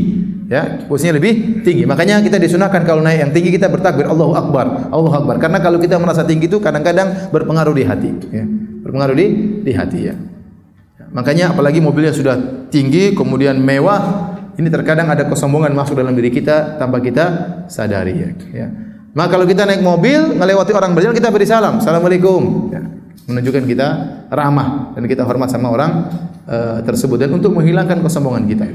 Kemudian di antaranya wal qalil alal kathir, yang sedikit beri salam kepada yang banyak. Kalau lagi berjalan, pertemuan tiga orang ketemu lima orang, maka tiga orang yang beri salam. Assalamualaikum kepada yang lima orang. Karena yang lima orang lebih banyak jumlahnya, maka yang sedikit menghormati yang banyak. Ingat para hadirin hadirat yang dirahmati oleh Allah Subhanahu wa taala, ini sunnah. Sunnahnya saya ulangi, yang muda beri salam kepada yang tua, yang sedikit beri salam kepada yang banyak, yang naik kendaraan beri salam kepada yang jalan, yang lewat beri salam kepada yang duduk. Tetapi seandainya dilakukan sebaliknya tidak jadi masalah. Contohnya yang tua beri salam kepada yang muda karena dia tawadhu, dia di, mungkin yang muda lupa dia beri salam di luar, enggak jadi masalah. Seperti Nabi SAW, anna Rasulullah SAW marra ala ghilmanin fasallama alaihim. Rasulullah SAW melewati anak-anak kecil, Rasulullah SAW beri salam lebih dahulu. Rasulullah beri salam di, untuk mengajarkan tentang salam, menebarkan salam. Bahkan Rasulullah SAW beri salam terlebih dahulu kepada anak-anak. Ya. Jadi uh, tidak jadi masalah. Taib. Pertanyaan. Kalau bertemu dua orang sebaya, umurnya sama. Mana yang lebih dahulu beri salam? Apa harus keluar KTP dulu? Mana yang lebih tua? Enggak, kita enggak sempat lihat KTP. Pokoknya kira-kira lah, semuanya apa? Kira-kira. Uh, rambutnya lebih putih. Ya, belum tentu dia lebih tua. Bisa jadi dia apa memang wajahnya wajah tua ya. Bisa jadi ya. Padahal umurnya masih muda, bisa jadi ya. Tapi kita menilai dengan perkiraan. Kalau menurut kita dia lebih tua, maka kita lebih dahulu beri salam. Seandainya umurnya sebaya, taruhlah lahir pada hari yang sama, misalnya. Maka siapa lebih dahulu memberi salam? Jawabannya yang terbaik yang lebih dahulu memberi salam. Siapa yang duluan mulai itu yang terbaik. Wa khairuhuma alladhi yabda'u bis salam. Yang terbaik adalah yang lebih dahulu memberi apa? Salam. Ya. Karena dia menjalankan sunnah Nabi menyebarkan salam. Ya. Jadi kalau kita kita mau orang tidak usah tunggu orang beri salam sama kita, kita beri salam lebih dahulu. Kemudian pertanyaan berikutnya, kalau ada sekelompok orang yang banyak, enam orang, melewati orang yang duduk-duduk lagi, yang duduk tiga orang, mana yang beri salam? Saya ulangi, yang lewat lima orang, yang duduk dua orang. Kata Rasulullah SAW, yusallimu almar alal alal qaid. Yang lewat beri salam kepada yang apa? Yang duduk. Tapi dalam hadis dalam dalam lafal yang lain, yang sedikit beri salam kepada yang banyak. Sekarang bertentangan nih. Banyak lagi lewat, yang duduk lagi yang duduk sedikit. Yang beri salam yang mana? Yang sedikit kepada yang banyak atau yang lewat kepada yang duduk? Yang lewat kepada yang duduk ya. Dan itu yang benar. Meskipun yang duduk jumlahnya apa? Sedikit. Karena orang yang lewat seperti orang yang masuk rumah. Orang masuk rumah ketuk pintu ya. Assalamualaikum karena dia numpang lewat. Seperti dia numpang lewat. Seperti orang yang masuk rumah kata para ulama ya. Tidak peduli yang yang mau bertamu banyak orang penghuni rumah sedikit orang ya. Enggak jadi masalah. Yang penting yang mau masuk rumah yang beri salam. Saya ulangi lagi juga masalah ini masalah telepon saya ingatkan masalah telepon kalau telepon kita angkat telepon kita bilang apa? Halo. Jangan kita bilang assalamualaikum. Adabnya yang telepon yang mengucapkan apa salam Faham? Adabnya yang telepon yang mengucapkan. Tapi kalau telepon orang kita bilang assalamualaikum. Karena kita yang ngetuk pintunya. Ya, dia angkat kita bilang assalamualaikum. Ya. Karena saya pernah ditanya beberapa waktu yang lalu kata, kata penanya ini Ustaz, bagaimana Ustaz saya, saya angkat telepon saya memberi salam saya khawatir itu orang bukan orang Islam. Saya bilang salah kamu, kamu jangan angkat telepon jangan bilang salam, bilang halo. Dia yang beri apa? Salam. Kalau dia beri salam jawab. Ya ketahuan non muslim atau seorang kafir atau muslim ya. Tapi adabnya yang menelpon yang memberi salam, bukan yang angkat telepon yang memberi salam, tapi yang angkat telepon yang jawab salam. Kemudian ada berikutnya kalau sebagian eh, kecil bertemu dengan yang banyak, kemudian yang kecil beri salam kepada yang banyak, rombongan yang lebih banyak, maka hendaknya dia beri salam secara umum. Assalamualaikum kepada seluruhnya. Ya, jangan dia hanya menuju kepada dua orang yang lain tidak dia salami. Ini justru menyakitkan hati. Misalnya ada kita satu orang bertemu dengan sekelompok orang, sepuluh orang. Kemudian kita assalamualaikum, ya, semuanya disalami.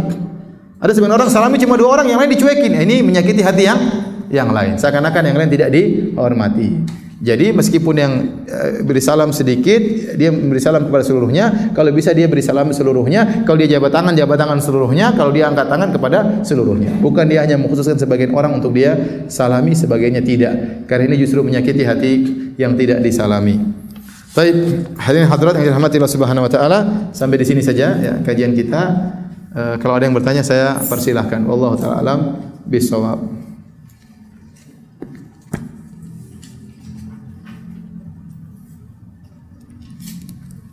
Ibu-ibu kalau ada pertanyaan silakan dikirim ke atas ya.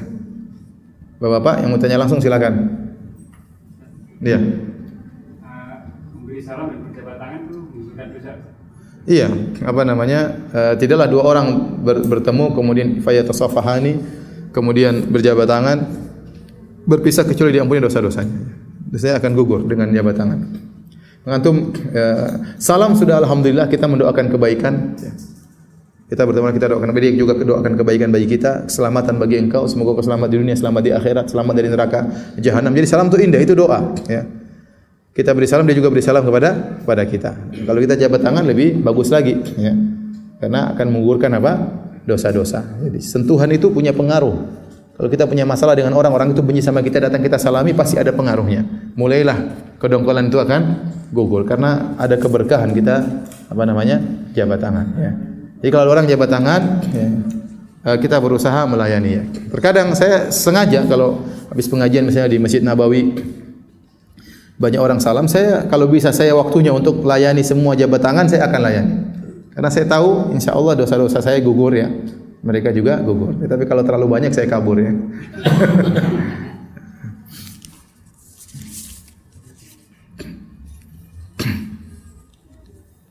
Bagaimana menjalankan kewajiban suami istri bila suami istri itu karena suatu keadaan harus berjauhan selama 3 sampai 5 bulan. Ini penderitaan, kasihan ya. Suami istri harus berpisah 3 bulan sampai apa? 5 bulan. Dan penderitaan ini sering saya alami dulu ya. Karena dulu belajar di Madinah 9 bulan pisah dengan istri. Nanti ketemu istri lagi apa? 3 bulan. Kemudian belajar lagi 9 bulan. Ketemu istri lagi 3 bulan liburan. Perpisah lagi apa? 9 bulan. Pulang lagi ketemu istri tiga bulan, tahu-tahu sudah punya anak. anak lahir kita enggak tahu, enggak ada yang nemani, ya jauh ya. Apalagi dahulu belum ada apa namanya alat komunikasi yang mudah ya. Ya saya masih ingat dulu di Madinah uh, tidak ada yang punya telepon. Yang punya telepon cuma dua orang yang punya handphone. Kenapa kalau orang punya handphone itu mahasiswa harus punya uh, uang untuk dia taruh di bank ya entah berapa ribu real. Kita enggak punya uang se sejumlah segitu. Ya. Jadi yang setahu saya waktu itu mahasiswa uh, ratusan orang itu yang punya handphone cuma dua orang. Sementara istri saya sudah punya handphone di Indonesia ya. Tapi saya enggak punya, bagaimana lagi? Jadi susah untuk komunikasi. Jadi kalau istri kirim SMS harus lewat teman tersebut. Suatu hari istri saya kirim SMS lewat teman tadi. Maka saya diberi kabar sama ada teman kasih tahu, eh kasih tahu Firanda ada SMS dari istrinya. Wah, maka saya benar-benar bergembira hari tersebut menantikan kedatangan SMS tersebut. Lalu sekarang WhatsApp tinggal cek cek cek dulu dulu susah. Hari saya tunggu teman saya itu teman saya itu nggak datang datang. Sekarang jadi ustadz, masya Allah terkenal juga ya. Teman saya itu nggak datang datang, saya tungguin sampai malam dia nggak datang datang. Dia rupanya ada urusan datang datang sudah sangat malam. Oh, masya Allah. Begitu lihat dia, saya gembira. Akhirnya dia lihatkan HP-nya. Firanda, ada SMS dari istri. Masya Allah. Begitu saya buka, error. XXS. Oh, mungkin enggak apa, enggak sinkron ya. Jadi, memang tidak enak berpisah dari istri ya. Tidak enak ya. Apalagi di zaman sekarang ya. Apalagi di zaman sekarang. Kalau zaman dahulu kontak kurang, justru kerinduan tidak tidak menggebu-gebu. Ya, kenapa sudah kita enggak tahu kabar istri kita? Enggak tahu istri kita enggak tahu kabar kita, ya susah kalau mau kirim juga lama sampainya. Tapi justru kalau berpisah dan sering ada kontak ini semakin rindu ya karena apa? WA jalan terus, video call jalan terus ya. Tapi demikianlah ini kemudahan, ada positif dan negatifnya. Jadi kalau ternyata suami istri harus berpisah 3 bulan 5 bulan, maka bagaimana menjalankan kewajiban? Harus sering kontak. Harus sering kontak ya. Istri harus sering kontak suami karena di sana banyak godaan ya ya godaan di sana ya. Istri pun ada godaan, suami juga harus perhatian sama istri. Apalagi suami di luar negeri, maka harus sering kontak istri. Sehari sekali kontak istri, kontak anak-anak ya. Lagi sekarang sarana komunikasi murah sehingga memberi ketentraman kepada istri. Karena istri tahu kita tidak bisa uh, apa namanya mendekatinya karena ada halangan, halangan syar'i. Maka jarak yang jauh tadi tidak menghalangi kita untuk tetap komunikasi dengan istri, dengan anak-anak terutama dan ini menjaga keimanan kita masing-masing antara suami dan istri. Bagaimana hukumnya tidak senyum memberi salam kepada lawan jenis karena khawatir pasangannya cemburu? Iya, kalau gitu tidak usah, tidak usah senyum. Senyum sama istrinya saja, jangan senyum sama suami orang ya. Kalau tahu suami kita pencemburu, maka tidak perlu kita senyum sama eh, laki-laki. Ya. Karena menjaga hak suami lebih utama ya menjaga hak suami lebih utama ya apalagi kalau senyum sama lawan jenis ada uh, rawan sesuatu maka uh, tidak tidak perlu ya. Kalau ternyata tidak timbul fitnah maka enggak jadi masalah. Tapi khawatir timbul fitnah, apalagi kita tahu suami kita tipenya enggak suka kalau kita senyum-senyum sama lelaki yang lainnya. Sudah enggak usah senyum-senyum, enggak usah dilihat sekalian ya. Agar suami tidak uh, cemburu. Adab-adab apa saja yang diajarkan untuk anak di bawah usia lima tahun? Adab-adab ya, tangan kanan harus tangan kanan, ya. Kalau dia makan tangan kiri kita tegur, ya. Tidak uh, boleh kalau dia terlalu loncat-loncat kita tegur jangan loncat-loncat. Adab-adab apa saja ya? Ya, kalau dia apa namanya? Jadi anak-anak ditegur tapi tidak tidak tidak tidak dengan kekerasan. Tapi ditegur ya. Anak apa namanya? Kalau minum uh, kita suruh bilang alhamdulillah, ya. Apa bismillah kalau selesai makan kita ajarin doa. Ya ada pada yang sederhana yang berkaitan dengan keagamaan sehingga dia terbiasa dengan sesuatu yang ke, bernilai keagamaan ya. Insyaallah dengan sedikit adab-adab tersebut dia terbiasa untuk diajari dengan adab-adab yang lain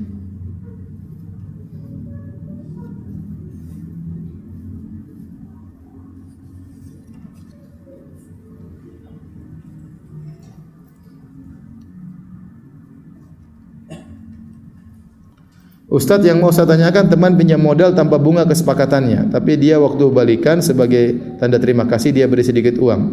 Apa ini termasuk riba? Kalau tidak ada kesepakatan sama sekali, tidak ada isyarat sama sekali dan tidak ada harapan sama sekali untuk diberi tambahan, kemudian diberi tambahan maka ini bukan riba, enggak jadi masalah. Tapi kalau ada isyarat-isyarat eh, nanti jangan lupa kalau berhasil ya. Ah, ini sudah bahas, tidak boleh. Ya. Jangan lupa kita kalau berhasil. Ah, ini sudah ada isyarat, tidak boleh. Itu berarti riba ya itu berarti riba. Ya kalau dia kasih sebaiknya kita tolak tidak tidak perlu. Tapi kalau dia maksa ya sudah tidak apa-apa itu bukan riba karena memang tidak kita harapkan.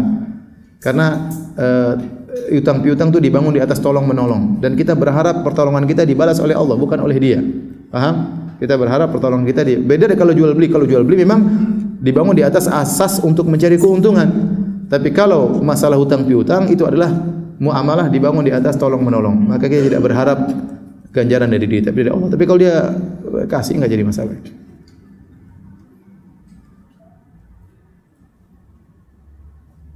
Apa hukumnya kalau seorang laki-laki atau perempuan yang ingin menikah tapi salah satu dari mereka sejak awal ta'aruf bilang tidak memiliki keturunan dengan alasan takut tidak bisa jadi orang tua yang baik. ini alasan ngawur seperti ini. Ya sudah enggak usah jadi manusia, khawatir jadi manusia yang buruk. Enggak mau menghadapi ujian ya. Anak-anak itu kebahagiaan. Bagaimana tidak ingin punya anak-anak? Apa enak hidup enggak punya anak? Ya, enggak takut khawatir anak saya durhaka. Ya jangan seperti itu. Ya latih diujar yang apa namanya? rawat dengan baik, didik dengan baik. Kalau jadi anak durhaka ya sudah itu urusan Allah Subhanahu wa taala. Yang penting Anda sudah berusaha. Kalau gitu enggak usah nikah, nanti saya takut jadi suami yang buruk. Enggak usah nikah sekalian. Ini alasan yang enggak beres. Nasihati uh, orang tersebut. Nasihati sang suami atau sang istri. Ini alasan yang tidak benar ya menikah tapi tidak ingin punya anak khawatir tidak bisa didik apa anak ya sama aja kalau kita enggak usah nikah khawatir menjadi istri yang buruk khawatir menjadi suami yang yang buruk Bagaimana bila kita dalam majelis taklim dan kita mau ke toilet lalu kita pakai sendal orang lain tanpa izin? Tidak boleh. Itu menggunakan hak milik orang lain tanpa izin. Pakai sendal sendiri. Ustaz sendal saya kulit nanti basah ya. Pakai sendal orang juga emang basah dia suka. Dia juga enggak suka sendalnya basah-basah. Ya. Ini sering di masjid seperti ini, enggak boleh. Ya. Sering sendal saya dipakai orang basah-basah. Ya. Mau diapain ya? ya? Dia tidak mau sendalnya basah, dia mau membasahkan sendal orang lain. Ya. Minta izin, ya. minta izin. Kalau enggak pakai sendal sendiri.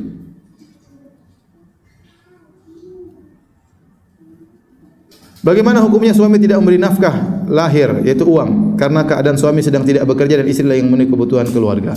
Ya istri yang baik membantu suaminya. Kalau dia tahu suaminya sudah berusaha namun belum dapat pekerjaan, ya dia bantu ingat kebaikan-kebaikan suami, ingat perjuangan-perjuangan apa sebelumnya, ingat pengorbanan sebelumnya. Kecuali kalau suaminya malas memang enggak mau kerja, ya sudah itu berarti suami yang enggak beres. Tapi kalau sesekali dia enggak punya pekerjaan, dia sudah berusaha belum diterima lamaran kerjaannya, sementara istri masih punya penghasilan, maka terus support suami untuk melamar kerja, untuk berdoa kepada Allah agar diberi ke lapangannya. Ada kondisi-kondisi suami tidak punya uang dan ini banyak seperti ini. Ada kondisi suami sudah bekerja tidak cukup sehingga istrinya harus bekerja. Saya kalau di Arab Saudi saya bilang enggak boleh istri bekerja, tapi dalam di Indonesia tidak semuanya seperti itu. Daripada kemudian mereka minta-minta, dililit utang dan macam-macamnya, terpaksa istri juga bekerja. Semoga Allah mengampuni dan semoga Allah beri pahala karena dia sudah berusaha membantu suaminya. Tapi maksud saya, uh, kalau suami tidak mampu, maka dinasihati untuk terus berusaha cari pekerjaan. Dan istri terus mensupport. Suami saya suka bilang bahwa perangai saya jadi tambah tidak sabaran setelah sering taklim. Ini bagaimana? Ini taklimnya yang enggak beres atau dianya yang enggak beres ini? Jadi orang kalau taklim harus niatnya tulus untuk diamalkan, bukan untuk kawasan. Kalau hanya sekedar untuk kawasan itu tidak akan merubah seorang. Tapi dia harus taklim supaya niatnya untuk merubah dirinya. Para sahabat dahulu kalau bertanya kepada Nabi untuk diamalkan, Nabi tidak pernah mengatakan kau begini. Oh gitu, enggak ada sahabat begitu. Ya. Bukan sekedar wawasan, tapi memang niatnya untuk apa? Diamalkan. Jadi kita ngaji sini, saya juga untuk mereka diri saya dan memperingatkan antum sekalian supaya antum mengamalkan apa yang saya sampaikan dan saya juga mengamalkan apa yang saya sampaikan. Kalau tidak niatnya tulus, maka tidak akan terjadi perubahan. Apalagi semakin ngaji semakin seperti ini tidak sabaran. Ada orang semakin ngaji semakin sombong, niatnya enggak beres. Makanya Ibnu Qayyim pernah mengatakan, ya, e, kalau ilmu tidak menambah takwa seseorang, famadkhul, berarti niatnya termasuk terkontaminasi kata Ibnu Qayyim rahimahullah taala. Orang semakin nuntut ilmu ternyata tidak semakin takwa, tidak semakin takut kepada Allah. Seperti tadi, nuntut ilmu semakin sombong, semakin angkuh. Berarti enggak beres niatnya. Seharusnya ilmu itu bisa merubah orang menjadi lebih baik. Seharusnya anda kalau ikut pengajian semakin ramah kepada suami, semakin ramah kepada istri, semakin berbakti kepada orang tua, semakin menyambung silaturahmi dengan kakak dan adik. Kalau ternyata ngaji bertahun-tahun ternyata semakin masalah sama kakak dan adik, semakin ribut sama orang tua, semakin benci sama ah ini berarti enggak beres. Berhenti aja ngaji, mending kembali seperti dulu. Karena gajinya hanya menimbul hanya mengumpulkan uh, bumerang yang akan menyerang dia pada hari kiamat kelak. Ya. Jadi hendaknya dia introspeksi diri ya ibu ini kemudian berusaha untuk memperbaiki dirinya sedikit demi sedikit. Ustaz saya mau tanya, apakah jika mau menjadi istri kedua bisa dianggap mengganggu orang lain? mengganggu rumah tangga orang lain? Kalau kita katakan mengganggu, iya mengganggu. Tapi ini mengganggu yang dibolehkan. Ya, jadi gimana ya? Sebenarnya kan mengganggu istri pertama menyenangkan suami. Jadi mengganggu sekaligus menyenangkan. Dan memang ya kita tidak bisa pungkiri bahwasanya ujian terberat bagi seorang wanita di zaman ini ujian poligami. Berat. Seorang istri lebih baik lapar kelaparan tidak makan, mending rumah tinggal di rumah yang rumah yang sederhana, bahkan kontrakan. Yang penting suami tidak poligami. Kalau suami sudah poligami berat bagi dia, tapi ini ujian. Makanya saya katakan tidak ada wanita yang kuat untuk dipoligami kecuali wanita yang hebat. Dan itu langka. Ya. Tidak semua istri siap untuk dipoligami. Banyak yang siap tapi siap pentungan. Kenapa? Karena kondisi kita memang tidak sangat tidak mendukung kondisi kita ya di tanah air kita. Ya, seorang poligami kadang dimusuhi sama keluarga sendiri, adik-adik perempuan yang musuhi. Kakak kok poligami dan macam. Ya enggak, saya tidak berbicara tentang pengalaman pribadi, tidak ya. ya. Tidak ya. Saya alhamdulillah kalau poligami ibu sudah mengizinkan alhamdulillah. Cuma saya yang belum. Jadi mau saya banyak kondisi seperti ini adik-adik perempuan tidak dukung. Kemudian ibu kita juga terkadang apa? Tidak mendukung. Jadi orang poligami ribut sama ibunya sendiri, ribut sama adik-adik perempuannya. Belum lagi ribut sama mertuanya, ya. Berat. Belum lagi dicibir oleh orang-orang sekitarnya. Terus istrinya lebih berat lagi. Kalau istrinya pun kuat, siap dipoligami. Ya, sudah ditempa sama suaminya, ditatar oleh suaminya, akhirnya siap dipoligami. Setelah dipoligami dan dia siap, yang bikin masalah terkadang ibu-ibu yang lain. Sebenarnya hatinya kuat waktu ketemu sama umahat-umahat yang lain. Kamu katanya di poligami ya? Ih, kasihan. Eh, kan dia jadi jadi don ya. Kamu ngapain aja? Hi, akhirnya dia jadi apa? Dan itu kenyataan banyak poligami buyar gara-gara istri pertama dikompori sama ibu-ibu yang lain. Padahal sebenarnya kuat.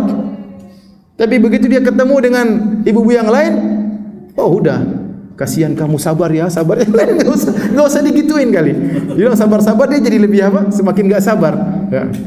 Dia lebih wanita lebih tidak kuat mendengar perkataan orang. Akhirnya buyar. Maka saya ingatkan kepada ibu-ibu, kalau ketahuan ada ibu-ibu yang lain poligami jangan digituin.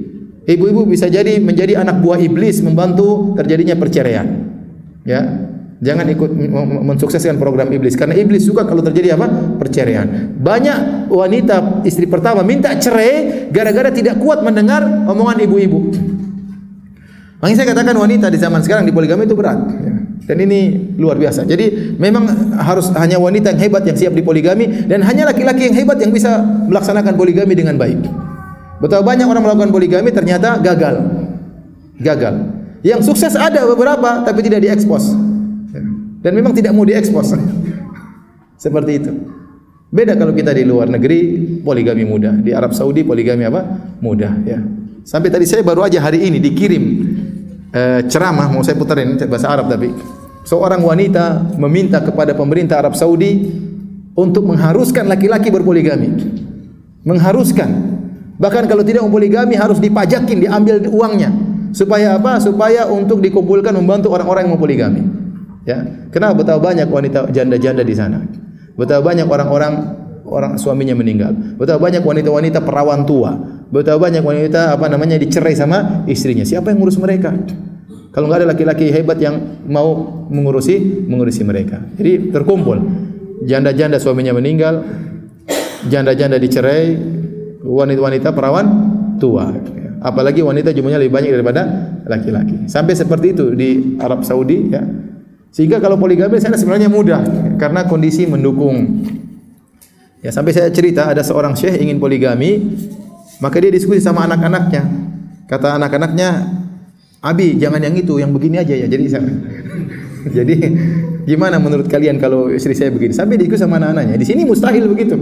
Di Arab Saudi poligami itu mudah. Seorang wanita tidak mungkin tolak poligami karena dia sendiri produk poligami. Bagaimana dia melarang suaminya poligami sementara dia juga hasil poligami. Bapaknya dulu poligami dan dia adalah anak dari ibunya yang ketiga misalnya. Mau diapain? Lebih mudah lagi kalau poligami di Afrika ya. Kalau di sana orang tidak poligami dituduh kamu punya penyakit inilah penyakit anu kok tidak poligami. Di Afrika gampang. Nah, saya punya teman, masya Allah S1 kecil badannya lebih kecil dari saya. Saya terakhir ketemu kata Firanda, ente istri berapa? Saya istri tiga. Masya Allah. Kecil-kecil istri berapa? Tiga. Di, karena di sana dia cerita kalau tidak poligami akan dicerca. Ya. Makanya kalau mau poligami di Afrika lebih mudah. Jadi saya katakan kalau anti siap menjadi istri kedua, tidak jadi masalah. Berarti anti tidak melanggar syariat. Mungkin istri pertama terganggu itu pasti. Dia pasti terganggu karena hadinya terkurangi, mungkin jajannya terkurangi. Ya. Tapi syariat membolehkan. Yang penting anti jangan sampai mendolimi istri pertama. Sebagian orang ya karena istri kedua lebih muda, ya, jauh lebih muda daripada istri pertama. Kemudian akhirnya sang lelaki jatuh cinta kepada istri yang kedua. Ya, tidak adil, lebih condong kepada istri kedua. Akhirnya mulai istri pertama gelisah, marah-marah itu wajar. Ya, itu wajar namanya istri pertama yang terusik dia yang marah-marah, bukan istri kedua yang marah-marah. Ya. Akhirnya kemudian istri kedua tidak tahan bilang suaminya kau ceraikan istri pertama mau kalau tidak saya cerai. Ditantang istrinya disuruh suaminya untuk menceraikan istri pertama ini tidak boleh, ya. Tidak boleh, tapi hadapi dengan baik.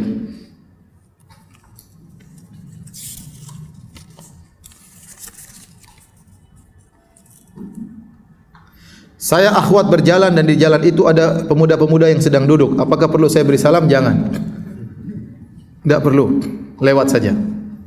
Apabila mereka beri salam, apakah saya harus jawab? Iya, jawab salam tapi lewat saja.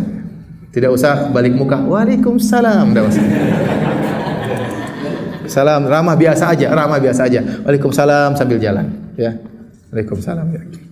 Karena khawatir fitnah ya. Khawatir apa? Fitnah ya. Ya.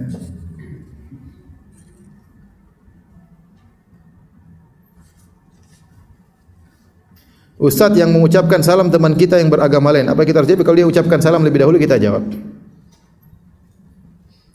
Lafaz salam apa yang paling afdal? Insya Allah kita jelaskan pada pertemuan berikutnya ya.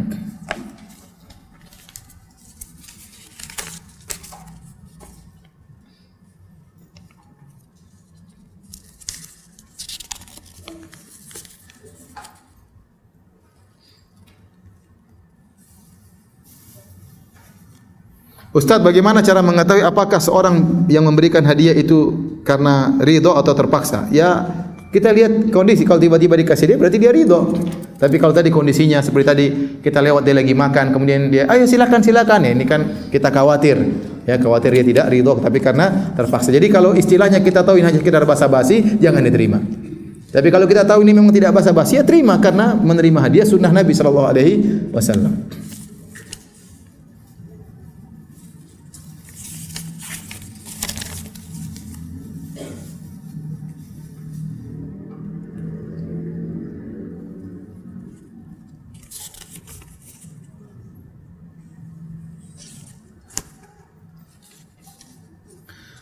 Bagaimana cara memaafkan orang yang sudah menyakiti dan bagaimana cara melupakan perbuatannya? Adapun melupakan perbuatannya itu tidak bukan perkara yang mudah. Tapi kalau memaafkan bisa. Memaafkan tidak harus melupakan. Melupakan itu tahapan yang lebih tinggi lagi ya. Tapi kalau maafkan lebih mudah. Caranya gimana? Kita yakin bahwasanya al jaza' bin amal. Balasan sesuai dengan perbuatan. Kata Allah kepada Abu Bakar radhiyallahu anhu, wal ya'fahu wal ya'fu wal yasfahu ala tuhibbuna ayaghfirallahu lakum. Hendaknya mereka memaafkan dan melapangkan dada. Tidakkah kalian tahu bahwasanya apa? Apa tidak kalian suka kalau Allah mengampuni dosa-dosa kalian? Jadi kalau balasan sesuai dengan perbuatan kalau kita maafkan orang kita dimaafkan oleh Allah Subhanahu wa taala. Jadikanlah jadi kita sering beristighfar kita sering mohon ampun. Bisa jadi dosa-dosa kita tidak diampuni oleh Allah Subhanahu wa taala. Allah buka jalan lain supaya dosa kita diampuni. Jalan tersebut dengan kita dizalimi paham jadi ada dosa-dosa mungkin sudah ber, ber, beramal soleh, sudah bertobat, namun belum juga semuanya diampuni. Kita masih saja bertobat, kita masih saja berdosa, kita masih saja melanggar. Ya Allah buka pintu lain supaya dosa-dosa kita diampuni. Caranya kita didolimi. Terus kita maafkan. Kalau kita maafkan maka kita akan diampuni dosa-dosa kita oleh Allah Subhanahu. Saya rasa ini adalah cara yang terbaik untuk memudahkan kita bisa maafkan orang orang lain. Karena itu tatkala kita dizalimi kita tahu ini sarana bagi kita untuk diampuni oleh Allah Subhanahu wa taala. Demikian uh, kita lanjutkan lagi pada kesempatan yang lain. Insyaallah kita tutup kafaratul majlis subhanakallah bihamdik asyhadu an la ilaha anta astaghfiruka wa atubu ilaik. Assalamualaikum warahmatullahi wabarakatuh.